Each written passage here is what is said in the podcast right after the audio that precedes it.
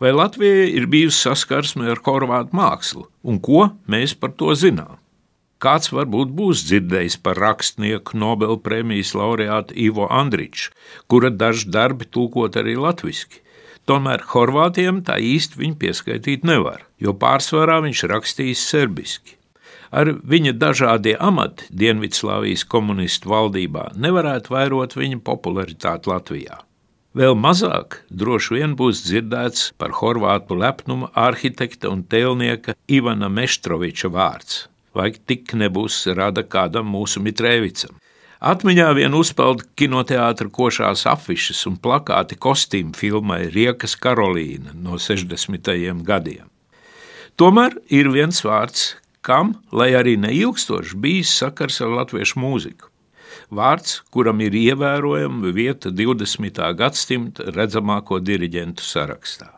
Tas ir diriģents un arī komponists Lovro von Matačičs, piedzimis 1899. gada 14. februārī Sušakā, kas šodien ir Riekas sastāvdaļa. Horvātijas dziedātāja un rumāņu izcelsmes aktrises ģimenē. Aristokrātisko fonu mantojis gan no tēva, gan mātes puses. No astoņu gadu vecuma dzīvojis un izglītojies Vīnē. Neaizmirsīsim, ka Horvātija toreiz bija Austrumgārijas sastāvdaļa. Skolojies jeb skolots privāti pie ievērojamiem pedagogiem un acīm redzot dabūjis spožu izglītību gan kā pianists, gan diriģents, gan komponists.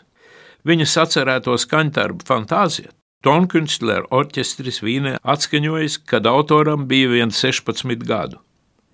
17 gadu vecumā viņš jau bija ķelnes operas korepetitors, 20 gadu vecumā uzsācis diriģenta karjeru.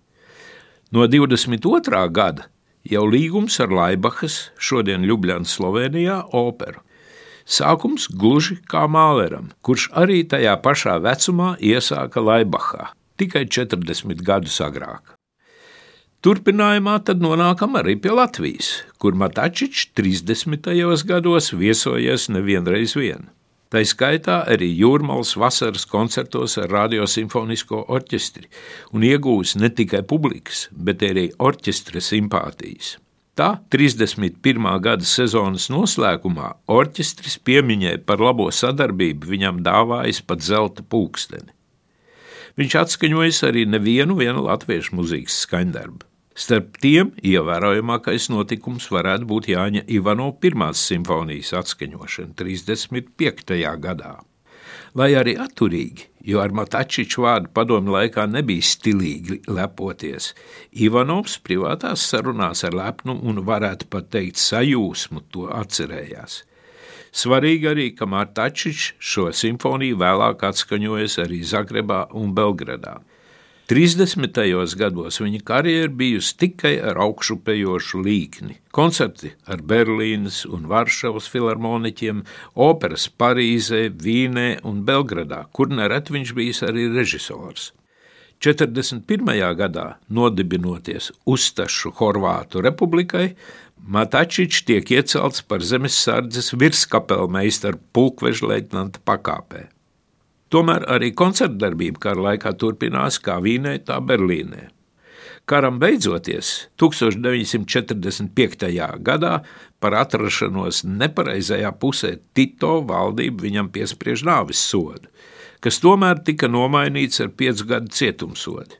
Arī atrodoties cietumā, viņa diriģenta karjera neapstājās, jo tur viņš diriģējis notiesāto orķestri. 46. gadā, pateicoties sievas neatlaidīgai un aktīvai rīcībai, viņš tika apžēlots. Tomēr starptautiskā karjera varēja turpināties tikai pēc 54. gada, kad tika atjaunotas arī pilsoņu tiesības un saņemta pase. Un te seko vēl viena saite ar latviešiem.